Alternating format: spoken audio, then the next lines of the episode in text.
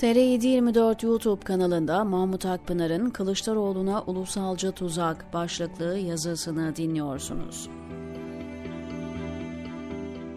14 Mayıs'ta Cumhur İttifakı'nın neler çevirdiğini bütünüyle bilmek mümkün değil. Ama geleneksel hırsızlıklar dışında dikkati çeken iki önemli şaibe var. 1. Bütün anketlerde düştüğü görülen %5-6 alması gereken MHP'nin ilginç şekilde %11'e varan oy alması. Bunun neden ve nasıl olduğuna dair pek çok kayıt, belge medyada yer aldı. Kontrolsüz alanlarda YSP'nin oylarını MHP'ye yazmışlar. Daha önce hiç görülmediği, tamamıyla Kürt nüfustan oluşan bazı yerleşimlerde MHP tulum çıkarmış. Yani Erdoğan bu defa ortakları üzerinden çalmış. 2. Ata İttifakı'nın parlamento seçimlerinde oy oranı %2 iken adayları Sinan Oğan'ın oyunun %5 üzeri çıkması. Sinan Oğan'a çıkan oylar Erdoğan ve Kılıçdaroğlu'nun birinci turdan çıkamamasına neden oldu. Bu oranla kilit konuma geldi, aldığı oylar altın kıymetine bindi. Son gelişmeler Ata İttifakı'nın ve adayları Oğan'ın Cumhur İttifakı'na değil Millet İttifakı'na yöneleceğini gösteriyor. CHP seçimi alabilmek için Sinan Oğan'ın oylarına göz dikti. Ama Oğan ve Ata İttifakı destek vereceği taraf için ağır şartlar koşuyor. Oluşan fırsatı kaçırmayan o an siyasi geleceğine yatırım yapıyor. Ayrıca ulusalcı Ergenekoncu kesimin taleplerini siyasi gündeme taşıyor. Kılıçdaroğlu bu desteği alabilmek ve standartları yakalayabilmek için eski CHP ağzıyla konuşmaya başladı, ulusalcı söylemlere yöneldi. Sürekli parlamenter sisteme ve hukuka dönmekten bahseden, adalet yürüyüşü tertip eden, dönemin Gandhi'si, mütevazı, temiz olarak kabul gören Kemal Kılıçdaroğlu'nun çizgisinin değişmediğini düşünenler çoğunlukta. Genel kanaat bu açıklamaların konjonktürel olduğu yönünde. Dolayısıyla bu sözlerden rahatsız olabilecek kesimlerin önemli bir kısmı söylenenleri sineye çekip Kılıçdaroğlu'nu anlamaya çalışıyor. Ama CHP'nin geçmişini göz önüne alıp tedirgin olanlar da az değil. Sandık öncesi böylesine keskin söylem değişikliğine gitmek, Ergenekon ağzıyla konuşmak ciddi riskleri içinde barındırıyor. Öte yandan böylesi konuşmalar sonrası o ana giden oyların ne kadarı Kılıçdaroğlu'na gelecek meçhul. Bu söylem değişikliği doğal olarak Erdoğan karşısında demokrasi cephesi olarak anılan Kılıçdaroğlu'nu destekleyen bazı Kürtleri, demokrat muhafazakarları, liberalleri ve KHK'lıları kaygılandırdı. Normal şartlarda CHP ile dokusu uyuşmayan ama Kılıçdaroğlu'nu destekleyen pek çok insan, CHP yeniden Jacoben hale mi bürünüyor, ulusalcı jargona mı dönüyor diye düşünmeye başladı. Son tutum Kılıçdaroğlu'nun hukukun üstünlüğünü ve demokrasiyi önceleyeceğine dair bir miktar tereddüt oluşturdu. İnsanlar ülke tekrar tekçi, Kemalist rejime mi teslim olacak diye endişelenmeye başladı. Kemal Kılıçdaroğlu'nun Ergenekoncu, ulusalcı kesimlerle arasının iyi olmadığını, aksine CHP içinde çok güçlü olan bu damarla mücadele ettiğini biliyoruz. 14 Mayıs gecesi Tuncay Özkan gibi Erdoğan'la işbirliği yapan Ergenekoncu ekibin bıçağı sırtındayken eski CHP'ye döneceğini sanmıyorum. Muhtemelen Sinan Oğan'a giden oyları alabilmek için Kemalist, ulusalcı söylemlerin dozajını artırdı. Fakat bu tercih iki tarafı keskin bir bıçak. Oradan %2-3 oy almayı hedeflerken demokratik değerler, hukuk, adalet beklentisiyle oy vermeyi düşünenler kopabilir veya sandığa gitmeyebilir.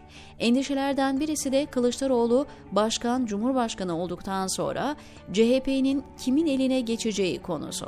Son seçimler gösteriyor ki Erdoğan'ın kutuplaştırma siyaseti ve mülteciler nedeniyle milliyetçi, ulusçu görüşlerde ciddi yükseliş var. AKP, MHP ile ortaklıktan sonra din soslu milliyetçiliğe yöneldi ve demokrasiyi, hukuku tamamen terk etti.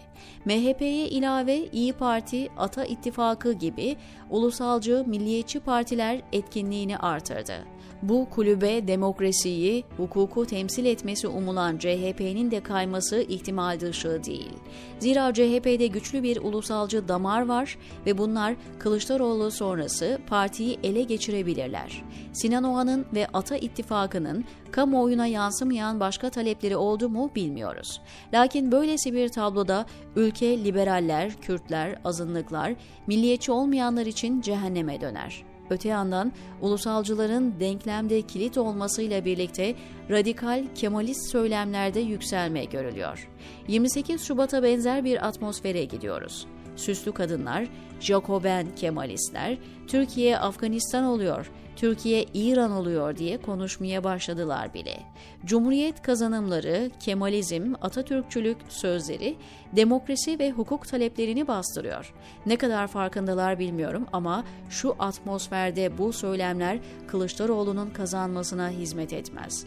Kılıçdaroğlu'nu güçlü kılan öne çıkaran şey CHP'li kimliği, Dersimli olması, Kemalizmi öncelemesi ve benzeri değil. Demokrasiyi, hukuku, parlamenter sistemi geri getirme iddiasıdır. Bu seçimde Erdoğan'ı yıkabilecek tek aday olmasıdır. Şu anda Türkiye'nin en önemli dinamiği Kılıçdaroğlu'nun gelmesi değil, Erdoğan'ın gitmesidir. Zorbalığın, zulmün, hukuksuzluğun, ötekileştirici dilin bitmesidir. Kemalist ideolojinin güçlenmesi, ulusalcı söylemlerin öne çıkması, demokratikleşememiş cumhuriyete övgü ülkenin ihtiyacı değildir. İnsanlar ideolojik kamplaşmaların, çatışmaların azalmasını, huzur, birlikte yaşam, birbirine saygı istiyor. Ekonominin toparlanmasını bekliyor. Erdoğan'ın gitmesini ve hukuka, demokrasiye geri dönülmesini umuyor. Aksi yaklaşımlar, söylemler Kılıçdaroğlu'nun kazanma şansını azaltacaktır. Hizbullah Ergenekon'un JITEM'in PKK'ya karşı kurup kullandığı örgüttür. Hizbullah için önce Ergenekon'u eleştirmek gerekir. Erdoğan şu anda Hizbullah dahil Ergenekon'un bütün unsurlarıyla ittifak halinde. Ergenekon ölmedi. Erdoğan'la girdiği ilişki sonucu transformasyon geçirdi. Erdoğan adına veya ondan bağımsız şu sıralar en önemli siyasi oyununu oynuyor. Ata İttifakı %2 oy aldı ama kilit konumda ve ülkeyi bloke ediyor. Kimin iktidar olacağını, hatta Kılıçdaroğlu'nun seçim sloganını belirliyor. Sinan Oğan'ın aday çıkarılması çok iyi bir sosyal mühendislik. Zira o an nedeniyle Kılıçdaroğlu sakal bıyık arasında bırakıldı. Kazanmak için Türk ve Kürt milliyetçilerini aynı anda ikna etmek, oylarını almak zorunda. Ata İttifakı'nın dediklerini yapsa demokratların, Kürtlerin, KHK'lıların oylarını kaybedecek. Yapmasa kazanamayacağına inandırılmış durumda. Ortada ayrıntılı düşünülmüş ve tatbik edilmiş bir strateji, bir tuzak var. Proje ulusalcılara mı ait Erdoğan'la birlikte mi hazırlandığı emin değilim bu toz duman bulutu içinde pek çok varsayım, komplo teorisi havada uçuşuyor, insanlar güvensizlik yaşıyor. Ben her şeye rağmen gidip oyumu kullanacağım, vatandaşlık görev ve sorumluluğumu yerine getireceğim. İktidar değişirse Türkiye, İsveç veya Norveç olmayacak. Muhtemelen gelenler de bazı söylemlere devam edecek ama zulüm, baskı, hukuksuzluk şiddetini yitirecektir. O nedenle mazlumların sebeplere riayet edip oy kullanmasını önemli görüyorum, diyor Mahmut Akpınar TR724'deki köşesinde.